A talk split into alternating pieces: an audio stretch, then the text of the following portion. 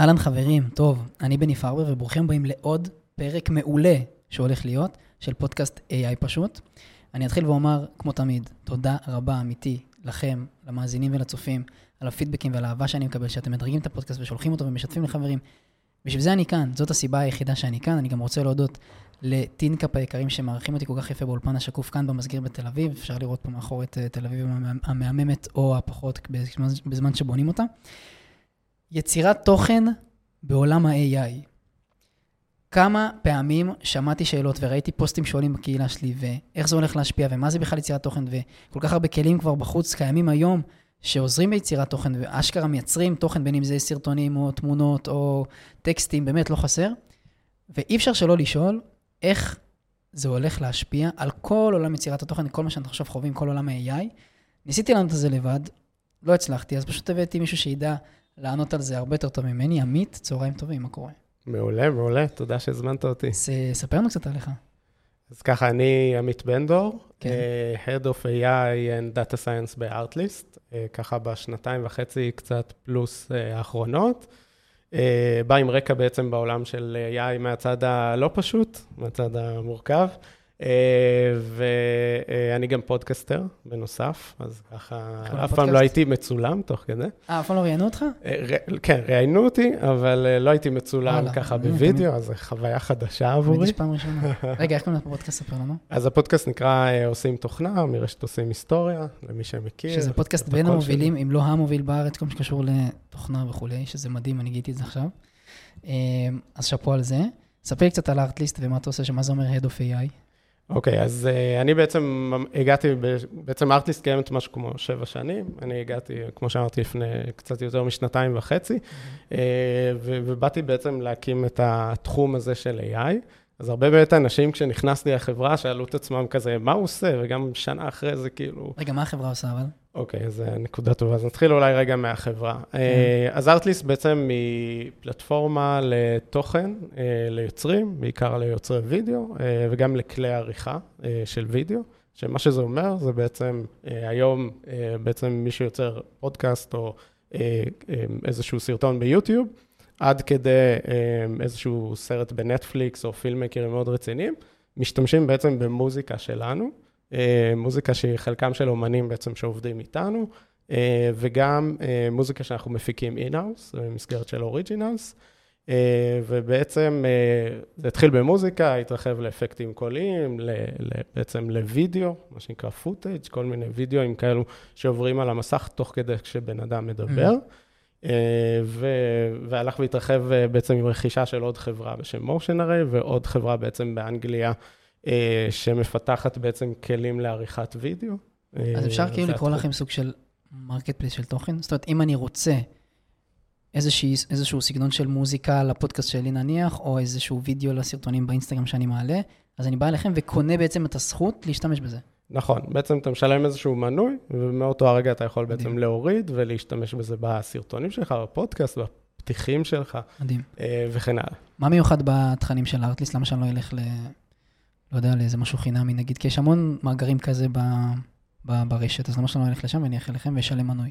נכון, אז ארטליסט, uh, מה שבאמת ייחודי זה האיכות, אני חושב שזה הדבר הראשון. Uh, בעצם האיכות היא, קודם כל זה מותאם ממש ככה לוידאו, אז יש שם בעצם מוזיקה שהיא מאוד סינמטית כזאת, שאתם יכולים לשמוע אותה בעצם בסרטים וכאלו של אורקסטרות כאלו והכול, mm-hmm. עד כדי מוזיקה אלקטרונית, כאילו סופר מגניבה, אה, כל מיני דברים, אבל זה ממש מותאם לוידאו, זה דבר אחד, דבר שני זה ברמת החוויה. אה, בעצם פה אנחנו גם מתחברים לעולם ה-AI והדברים השונים שאנחנו מביאים, שבעצם מנגישים את יצירת התוכן וכאילו למצוא את הדבר הנכון, כאילו. בצורה מיטבית. יוצרי התוכן שלכם יודעים שעוד שנה כבר אין להם עבודה? סתם, סתם, סתם. סתם, אני אשאל את זה אחרי זה. אנחנו נדבר על זה. נדבר על זה לגמרי. תספר לי רגע, אז מה זה אומר Head of AI ומה עושים? אוקיי, אז... זה מתקשר לחברה של יצירת תוכן? כן, אז, אז בעצם Head of AI אה, התחיל בעצם, מ, אפשר להגיד, מתחום אחד שהוא כאילו היה הכי פופולרי, אפשר להגיד שהמקום שבו היה, היה מיושם בעצם אה, הכי הרבה, שזה העולם של מערכות המלצה. אה, ופרסונליזציה, שזה בעצם, כשאנחנו נכנסים היום ליוטיוב, אז היוטיוב שלי לא דומה ליוטיוב שלך, mm-hmm. או של אה, אחד מהמאזינים סלאש נכון. צופים. ובעצם כל התהליך הזה של לתפור את החוויה למשתמש, זה, זה חלק בעצם משמעותי ב-AI בארטליסט. מעבר לזה יש עוד המון דברים. היום AI בעצם יכול לקחת תוכן ולסרוק אותו, וכאילו להוציא כל מיני דברים, כמו למשל, אם זה מוזיקה, איזה ז'אנר, והאם היא מקפיצה, והאם יש שם צלילים צורמים או לא, או המון דברים אחרים בעצם בעניין הזה. ומעבר לזה גם יכולות של עריכה, או כל מיני דברים כאלו שהן מתקדמות, שהן באמת קצת יותר מה שאנחנו היום כבר מכירים יותר. כן. אוקיי, אז מה רציתי לשאול? לא משנה. בכל מקרה, אז דיברנו קצת, כאילו אתה אומר שאתה Head of AI כבר שנתיים וחצי או משהו כזה, זה אומר שאתה מגיע הרבה לפני המהפכה הזאת, לפני שבעה חודשים, אנחנו מקליטים את הפרק הזה ביולי 2023, סוף יולי, ו-ChatGPT נחשף לציבור לפני שבעה חודשים, קצת יותר, ואז באמת קרה הבום הגדול. אתה עוסק בזה הרבה לפני, זאת אומרת, שנתיים לפני הבום הגדול. מה עשית אז בתור Head of AI, ומה אתה עושה היום, ואיך זה השתנה, אם בכלל? כן, אז בעצם זה באמת קטע מעניין, כי הרבה פעמים אנשים ככה במשפחה שלי גם וכאלו פחות ידעו, והיום כאילו אני מרגיש שיודעים יותר. כן, פתאום זה הגיע למרכז. אתה, אתה עושה את זה, הבינה הזאת. אז כמו שאמרתי, בעצם AI כאילו בבסיס שלו, זה בעצם מקום שבו אנחנו עושים הרבה פעמים הרבה חיזויים, כל מיני תחזיות של דברים, מה הולך לקרות. מעבר לזה, סורקים בעצם כמו תכנים, כמו שדיברתי, ומערכות המלצה, אני חושב שזה היה כזה הבסיס. Mm-hmm. אני התחלתי, הגעתי לתחום כאילו בעצם מאוד, ככה שהתחלתי הלימודים שלי בטכניון, איפשהו שם התחלתי להיחשף. עוד זה היה נקרא אלגוריתמי, וזה לא היה מגניב כמו שזה כן. היום. אפילו משעמם, יש שיגידו. לא, זה היה גם מגניב, אבל פחות ככה, כאילו, בחוץ, ופחות כן. מגיע למשתמש הסופי, זה היה יותר רץ איפשהו מאחורי לקלעים. כן. כלומר, הרבה פעמים החוויה שהיית ניגש לאיזשהו אתר, איזושהי אפליקציה או משהו כזה, זה היה קורה לאחורי לקלעים. היום בעצם, עם כל מה שקורה, בעצם עם ה-AI הג'נרטיבי, היוצר, אז זה בעצם היה באמת השינוי הגדול. מבחינתנו, מבחינת העבודה, זה פתח לנו עוד דלתות. אני חושב שבחשיבה, בתפיסה, היינו מאוד שמה, כבר בשלבים יותר מוקדמים. אני חושב שזה הקל הרבה על התהליך, כן. יש כלים חזקים היום, וזה פתח לנו את הראש וגם את הראש של, של המשתמשים שמאוד רוצים את זה, שזה פתאום ככה מאוד שם אותנו בחזית, וזה אחלה של דבר. מדהים. אז בעצם רגע רק נשים כזה על השולחן, לפעמים כל הזמן כשמדברים על יוצרי תוכן, אז לפעמים קופץ לנו בראש כזה משפיענים באינסטגרם וכזה. זה פחות שם, אנחנו מדברים על תוכן, כמו שאמרת, מצולם, או מוזיקה כזה, שבעצם מוכרים את הזכויות שלו. כן, במקרה של ארטליסט זה בעצם כאילו החל מאנשים שמשתמשים לפרסומות, או כאלו שעושים ממש סרטונים, כן. לבלוגים למשל, או פודקאסטים. זה יכול להיות הכל מהכל. באופן כללי, האמת, היום בארטליסט אנחנו מסתכלים יותר על יוצרים כיוצרים. אז אולי יש את השוליים שיוצרים גם מתכנת, מפתח, שכותב קוד, הוא בעצם סוג של יוצר, או קופירייטר שכותב איזשהו פוסט, כמובן, דברים בסגנון הזה. אבל בעצם יש הרבה, הרבה בעצם יוצרים מסוגים שונים. ב Artlist זה יותר מפוקס יחסית ליוצרים, כאילו, האומנותיים, אבל יש הרבה יוצרים בעצם בעולם.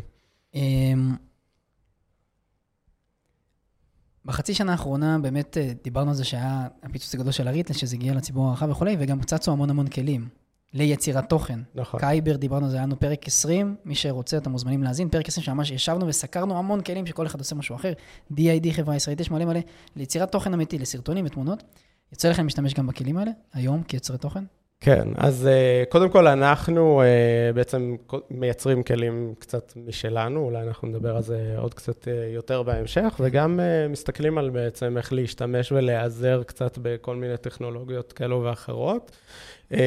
אנחנו מגיעים מהעולם היותר טכני, אז הרבה פעמים אנחנו מסתכלים על מה נמצא שם, שהוא כזה ככה פתוח ולאו דווקא של חברות או משהו בסגנון הזה. אבל יש היום המון כלים סופר מעניינים שאנחנו בודקים אותם, אם זה ChatGPT או המתחרים, או, או הטכנולוגיות בעצם של יצירת תמונה של Stable Diffusion ודומיו. מהמם. אז הרשה לי לשאול אותך, כיצד עולם יצירת התוכן השתנה בחצי שנה האחרונה? אז אני חושב שהוא השתנה מאוד, והוא הולך ומשתנה, ויש המון דיבורים סביב uh, כל העניין הזה. Uh, אפשר לשים בעצם את ה... קודם כל, את ה, אולי את היוצרים באיזושהי סקאלה, סקאלה כזאת, בעצם אחד משלושה טיפוסים. אז יש כאלו שמפחדים מאוד, mm-hmm. וחוששים ולא רוצים בעצם uh, להשתמש בכלים מהסוג הזה. ומהצד השני הם גם קצת נפגעים, כי בחלקם אולי אלגוריתמים מסוימים סרקו את העבודות שלהם. אה, השתמשו בהם באיזושהי צורה בלי, בלי לבקש. אז אה, זה דבר אחד ש, שקרה, ויש את אלו שממש מפחדים. אה, מהצד השני, יש את אלו שמשתמשים איפשהו ככה באמצע, שאני חושב שזה המשתמשים הככה סטנדרטיים, כמונו אפשר להגיד, mm-hmm. הרגילים, שבעצם משתמשים ב-chat GPT כדי רגע אחד לחשוב אולי על רעיון לפרק, אולי לייצר איזשהו פתיח למשהו, קצת מייצרים איזו תמונה פה, שם, דברים בסגנון הזה. ואני כן רואה מצד אה, שלישי, שזה הפרסונה השלישית, אנשים שככה, אה, כל המהפכה הזאת אה, שינתה להם לחלוטין את סגנון העבודה. Mm-hmm. לקחו את מי ג'רני, לקחו את כל הכלים האלו, וממש בנו לעצמם תהליך חדש. אה, דברים שהיו לוקחים שבועות, למשל, אה, ככה חבר טוב שהוא ככה דירקטור של, אה, שעושה פרסומות או סרטונים באופן כללי, ממש לוקח תהליך שבו הוא רוצה לייצר פרסומת חדשה, פעם הוא היה מנסה למדל בתלת מימד, כל מיני שיטות כאלו מאוד מורכבות כדי לדמיין את מה שהוא הולך לעשות בפרסומת ואיך היא הולכת להיראות, והיה תהליך באמת מאוד סיזיפי.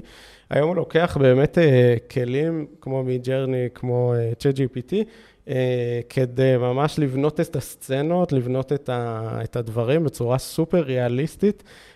ויש יוצרים שממש ככה, זה שינה להם לחלוטין את התמונה ואיך שדברים נראים. בוא נתמקד בהם. כאילו, אה, בסוף השאלה הבאה היא, דיברנו על איך זה השפיע, ועכשיו אפשר לראות שיש המון דעות, כמובן, כי זה בסוף רק התחלה, ואי אפשר להבין, כן, לא, למה כמה, יש כאלה שמפחדים, יש כאלה שלא. איך זה ישפיע? כאילו, אי אפשר להתעלם מזה בסוף, כי בסוף הכלים האלה נועדו בעיקר בשביל ייעול. בסוף אני בתור האדם הפשוט שרואה תמונה, מחליט שהיא יפה או לא יפה. ממש לא מעניין אותי כיצד היא נוצרה, אוקיי? אתה יוצר תוכן זה מעניין, כי זה הפרנסה שלו. אם אני רואה תמונה, שלא אמרו לי שהיא נוצרה במוג'רני או לא במוג'רני, פשוט רואה תמונה יפה או לא יפה, וזה אגב מה שהקבוצה השלישית שהזכרת הבינו, מה זה משנה איך הוא נוצר, העיקר שהוא נוצר וזה מייעל לי את העבודה.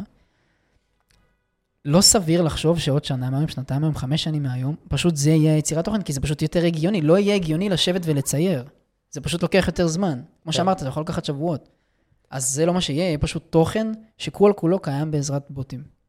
אה, קודם כל יכול להיות, אני חושב. אה, אנחנו, קשה בדיוק לדעת, אבל בגדול אני מאוד מתחבר לתפיסה הזאת, ש, שמדובר בעצם בכלים. אז אנחנו יכולים להסתכל על איך ציירו פעם, אז אולי פעם כדי לייצר את הצבעי שמן, היו צריכים ללכת ואני לא יודע, לזקק אותה משמן ולמצוא את ה... להוציא מהסלק את הצבע האדום או דברים בסגנון הזה. Mm-hmm. וגם פה, אני חושב שבאותה צורה, אה, יהיו דברים שאנחנו אולי כבר לא נעשה, כי הם יהיו טריוויאליים.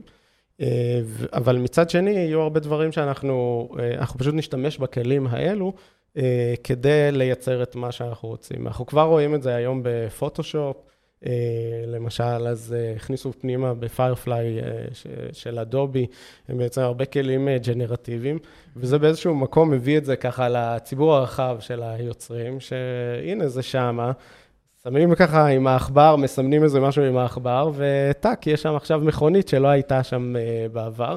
Uh, ואני חושב ששיטות מסוימות, השיטות הקלאסיות שבהן אולי היינו צריכים uh, המון המון ידע, לדעת להפריד את הרקע ולהשתמש במיליון פקדים כאלו, זה משהו שיהיה פחות נפוץ. יכול להיות שהוא עדיין יהיה קיים, כי... AI לא ייתן לנו את היכולות שליטה כמו שהיינו רוצים ב-100-100 אחוז, אבל כמו שאמרת כרגע, אני חושב שזה עניין של זמן, אה, ובסופו של דבר, לאט לאט, אה, כל היצירה שלנו, אני חושב שהיא תהפוך להיות הרבה יותר מבוססת אינטואיציה, כזאת שבה אה, אנחנו מבקשים מה אנחנו רוצים, אנחנו מקבלים דוגמאות, ואנחנו אומרים, לא, אנחנו רוצים, אני רוצה את זה קצת ככה, אני רוצה את זה קצת יותר בהיר, אני רוצה קצת יותר צבעים כתומים וכן הלאה. מאשר, אה, אוקיי, אני צריך שזה יהיה עכשיו בצבע כתום, אני צריך לדעת פה המון דברים כדי שהדבר הזה יקרה, אולי אני צריך לצלם מחדש, אה, או משהו בסגנון הזה. אז יצירה אינטואיטיבית, אני חושב שזה אחד מהדברים שיגיעו בעקבות ה... וכבר מגיעים, בעקבות המהפכה הזאת. אוקיי. מה עמדתה של ארטליסט בנושא? כאילו, גם הגיוני לחשוב שעוד שנה, שנתיים מהיום, שכל כלי זמין לכולם, כן? אני לא, לא צריך איזושהי יכולות סגולה, ובטח אני לא צריך uh, לשלם יותר מדי כסף בשביל להשתמש בכלים האלה. ויכול להיות שאני אעדיף לש... לייצר את התוכן שלי בעצמי, שאני מעדיף ובוחר ליצור אותו, מאשר ללכת ולשלם על זכויות של כאלה ואחרות, כמו שבעצם מה שאתם עושים, מוכרים זכויות. אז מה עמדתה של ארטליסט? האם יש פחד כלשהו? האם, כאילו, מה, מה עושים? אז אנחנו כמובן מסתכלים על התחום הזה ככה מקרוב מקרוב, כן. ואצלי במחלקה הספציפית אה, אנחנו ככה ממש על זה. אה, והעמדה של ארטליסט אה, באופן כללי היא כזאתי.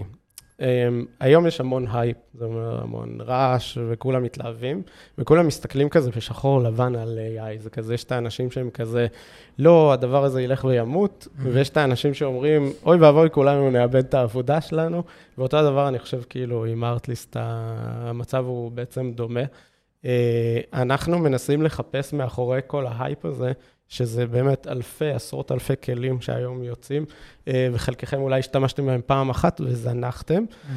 למצוא איפה יש ערך אמיתי למשתמש מאחורי לקלעים. אז אה, אם למשל אנחנו מדברים על יצירה של אה, תוכן על ידי טקסט, למשל, אז היתרונות שבאים למשתמש הם בזה שהוא יכול לתאר, או יכולה לתאר בעצם מה הם רוצים ולקבל את הדבר המדויק. לא תמיד אה, המשתמש יודע אה, לתאר בדיוק מה הוא רוצה. אה, למשל, הוא רוצה פתיח לפודקאסט, אבל אה, הוא יכול לתאר מה הפודקאסט, אבל קצת קשה להגיד מה בדיוק. Mm-hmm. אז אנחנו, כל העבודה שלנו היא מאוד מאוד מפוקסת סביב המקומות שבהם אנחנו יכולים לתת אה, ערך אמיתי, בעולמות האלו של AI, בעולמות הג'נרטיביים, אה, כמה שאפשר. מדהים. אה, אתה מכיר את הסדרה South Park? כן, בהחלט. רוצה לדבר על זה רגע? לגמרי. ספר לי רגע, אני רק אגיד למאזינים, לפני ממש כמה ימים שאנחנו מקליטים את הפרק הזה, אה, יצא פרק שלם, של 20 דקות בערך, של South Park, הסדרה הבלתי נגמרת של המצוירת, של האנשים עם הראש הגדול, אה, שנוצר כל כולו, שימו לב, בעזרת AI. התסריט, הצ... היצירה, הכל, הכל, הקולות. בוא תספר לי על זה. אז uh, אני חושב שזה אחד הדברים המעניינים ככה שקראתי לאחרונה, ממש ככה ישבתי וקראתי את הפייפר שהם הוציאו גם והכל.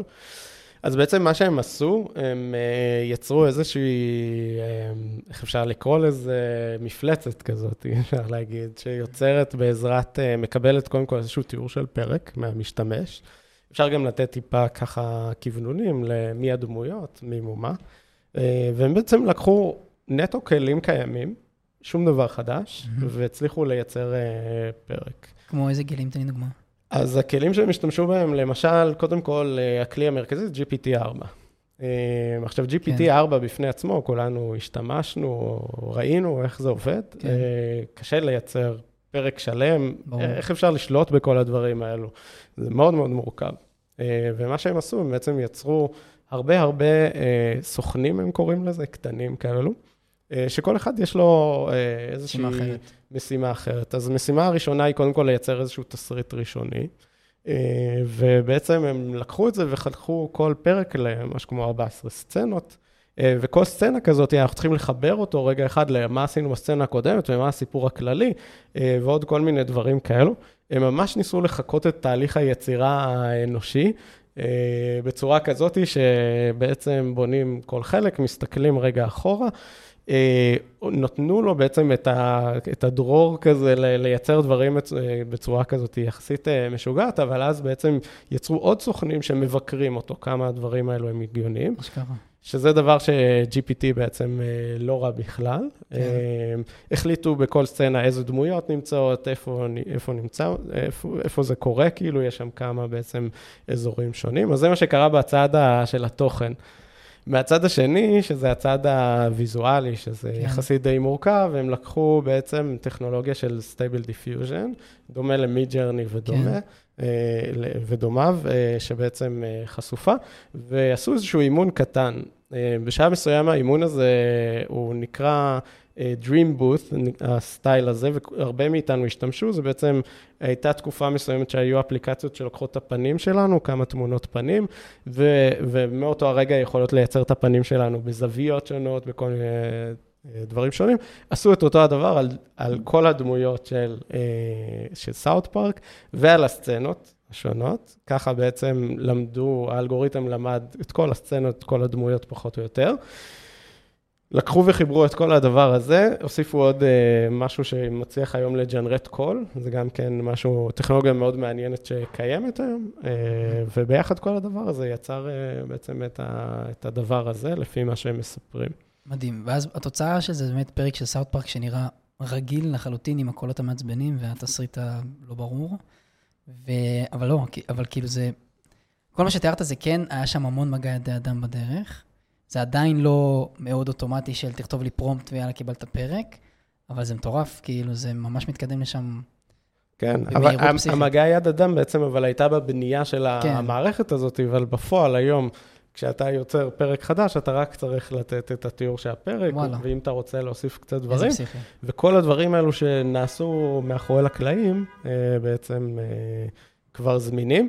ועוד דבר מאוד מעניין, החברה בעצם, החבר'ה שעשו את זה, אה, בעצם הסבירו ש South Park כמובן שזה לא משהו שנמצא כ-IP שלהם, כלומר זה לא בזכויות, אין להם את הזכויות על South כן. פארק, זה רק כדי להראות את הרעיון. כן.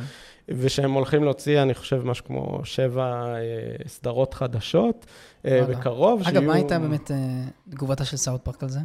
אה, האמת שאני לא ראיתי. אני, הם באמת אבל תלו על זה כל כך הרבה שלטים שזה לא שלנו ולא שום דבר, אבל... אה, וואלה, מעניין. אנחנו נראה סדרות, יש סיכוי טוב שאנחנו נראה סדרות רשת כאלו חדשות, שמבוססות על, על בדיוק אותה הטכנולוגיה, על, עם דמויות שאולי אנחנו לא מכירים. אה, מעניינות, כיפיות לצפייה, אז... מטורף. אני מזמין אתכם, מאזינים יקרים, לרשום ביוטיוב פשוט סאוט פארק AI אפיסוד או משהו כזה, או שאני אפילו אשים קישור פה בתיאור של הפרק הזה. ותצפו, זה באמת מדהים לחשוב שמכונות יצרו את זה, וזה מדהים לחשוב, שוב, מה קרה בחצי שנה? מה יכול לקרות עוד שנתיים? כאילו, זה כלום זמן. ולא סתם אנשים חוששים, ולא סתם עכשיו יש אה, כל מיני הפגנות וכזה של התסרטאים בארצות הברית, וכזה כולם חוששים לעבודתם, כל יצר התוכן. ואני בעצמי יוצר תוכן, כן, ואני אומר את זה. אה, יש שם גם פודקאסטים, אגב, שנוצרים גם בעזרת קול שמידלו אותו, ולא צריך שום אנשים ושום כלום. אין, העולם הזה פסיכי, באמת, כאילו, יהיה מעניין לראות לאיפה אנחנו הולכים. וזה מביא אותי לשתי שאלות הבאות, ברשותך, עמית. תן לי טיפ קטן בתור מי שעוסק גם ב... מי שעוסק ביצירת תוכן, גם מהכיוון הטכני יותר, של בעולם הטכני של אתה, בסוף אתה מתכנת וכולי, וגם מי שבאמת עוסק ביצירת תוכן כיצירת תוכן, כי בסוף גם, כמו שאמרת, ארטיסט יוצרים תוכן, ובין אם זה מוזיקה ומקליטים דברים וכולי. אז טיפ קטן למי שרוצה להישאר רלוונטי, שמאזין לנו, בין אם הוא יוצר תוכן קטן, גדול, בין אם הוא משפיען באינסטגרם, בין אם הוא אמ, בין אם הוא מוכר את היצירות שלו, בין אם הוא קונה יצירות. מה, מה עושים עכשיו עם כל העולם הזה? אז אני חושב שהדבר הראשון, ופה אני אספר שגם אני בעצמי, שצ'אט GPT אה, יצא, אני ככה אמרתי, וואו, זה מטורף. כן. כאילו. אבל מצד שני, כזה, לא, לא נגעתי בזה יותר מדי. Mm-hmm. אה, לא חזרתי, זה אתר אינטרנט, לא הכי נוח, כאילו. ובשלב מסוים נדלק, נדלקה לי הנורה, ואמרתי לעצמי, בתור אחד שככה בתחום חייב לעשות את זה, ואני חושב שהנורה הזאת חייבת להידלק אצל, גם אצל יוצרי תוכן. מי שלא יאמץ ויהיה מאסטר בכלים האלו, אלו הכלים של העתיד. כן, זה חד משמעי? מי שלא יאמץ את הכלים פשוט לא יהיה רלוונטי? אני לא יודע להגיד כמה זמן זה ייקח או באיזה צורה, אבל אה, לאט לאט, אה, כלומר, הכלים הישנים עדיין יהיה להם את המקום שלהם, שאולי יצירה כזאת או אחרת, או משהו שקצת יותר אותנטי, כמו שהיום אנחנו הולכים אולי בשלב מסוים לצייר שיצייר אותנו, וזה נורא נחמד. אבל uh, הרבה פעמים אנחנו נעדיף צלם, ואולי כבר אנחנו נצלם באייפון שלנו. כן. אז באותה צורה, uh, כדי להישאר רלוונטיים, חייבים להכיר וללמוד לכל הפחות טוב מאוד את הכלים האלו, ואחרי זה לדעת איך זה משתלב בעצם בתהליך שלנו. אני אגיד שמעבר לזה, זה בצד המפחיד, אבל בצד החיובי של הדברים, המון הזדמנויות נפתחות, במיוחד למי שהוא יחסית קצת יותר מהיר, ויכול לייצר הרבה יותר אה, תוכן, יכול להגיע למה שהוא רוצה הרבה יותר מהר, יכול לעשות הרבה יותר בעצם עם הכלים האלו. אה, ואני חושב שזה קריטי אה, גם לכל מי שנמצא בעצם ב- היום כמעט בכל תעשייה להיות אה, up to date על הדברים האלו. לגמרי, אני מסכים 100%. אגב, זה שאוטות שוב לפרק 20, אני מזמין אתכם, שם עשינו סקירה מדהימה של למעלה מ-15 כלים, של מה אפשר לעשות איתם, איך, למה, כמה. אז זה יעשה לכם הרבה סדר של איפה להתחיל, איפה לגשת. יש באמת המון uh, מידע שם בחוץ, וכל כך הרבה כלים, וכל כך הרבה קצת overwhelming מה קורה, איפה אני מתחיל, אז אתם מוזמנים לפרק 20. Uh, עשינו שם קצת סדר, אני ואביתר אדרי. Uh, שאלה אחרונה שאני, שאני אוהב לשאול את כל האורחים שלי, האם אתה מפחד מהמהפכה? אוקיי, אז קודם כל אני אגיד שלא. אה, עם זאת, שככה יש הרבה רגשות אה, מעורבים, כמו שאמרתי, אני מנסה רגע אחד להפריד ולשאול מה המהות של כל הדברים האלו. אני חושב שלנו כ- כאנושות, אפילו אני אגיד, אה, זה, עושה, זה יעשה טוב, זה עושה mm-hmm. טוב, אולי אנחנו נעבוד קצת פחות, זה לא דבר כל כך רע. אנחנו נוכל לעשות יותר, אנחנו נוכל אה, לתת לדמיון וליצירתיות שלנו הרבה יותר דרור לעשות, אה, לייצר את הדברים שאנחנו רוצים. אה, אז באופן אישי, אני, אני לא פוחד. אני חושב שכן, אה, זה נכון לעשות כל דבר שקשור בעולם הזה בצורה שהיא אחראית, לדאוג, לדאוג ליוצרים, לדאוג לכל מי שעלול להיפגע מהדברים האלו, שאנחנו לא, דברים שאנחנו לא רוצים שייפסקו, אה, אז לדאוג להם. אבל מהצד השני, אני, אני רואה את זה כמהפכה מאוד חיובית, ושמח שזה קורה. מהמם, אני מסכים מאה אחוז. אה, וזה הזמן אה, להגיד אה, תודה, תודה לך, עמית, שבאת להתארח בחום הזה, באולפן השקוף כאן במסגיר בתל אביב, ותודה לכם, מאזינים וצופים יקרים, על, על הכל פשוט. אם אהבתם את הפרק הזה, בבקשה, תשלחו אותו לחבר, חברה שרוצים או צריכים לשמוע דבר כזה. אנא מכם, אם אתם אוהבים את הפודקאסט, דרגו אותו, זה עוזר לי מאוד באפליקציה שאתם מאזינים בה. זה גורם, זה פשוט חושף את הפודקאסט לכמה שיותר אנשים, אז ככה אנחנו מגיעים ליותר קהל, וזאת המטרה בסוף, להגיע ולהנגיש את התחום הזה לכמה שיותר אנשים, אז אתם יותר מוזמנים. וכמובן, אתם מוזמנים לקהילת הפייסבוק שלי, שנקראת ChatGPT ישראל, ולניוזלטר שלי, שבאמת כל שבוע שוברים CA מספרים וחברים. אני לא אגיד מספרים פה, כי זה פשוט, עד שהיה לפרק, זה פשוט כבר מספרים לא, לא יהיו רלוונטיים, אז אתם יותר מוזמנים, פשוט תצטרפו, כאילו חבל להישאר מאחור, יש שם אנשים מדהימים בקהילה, לשאול שאלות, לדון, להתייעץ, לעזור אחד לשני, כיף גדול אצלי ממש.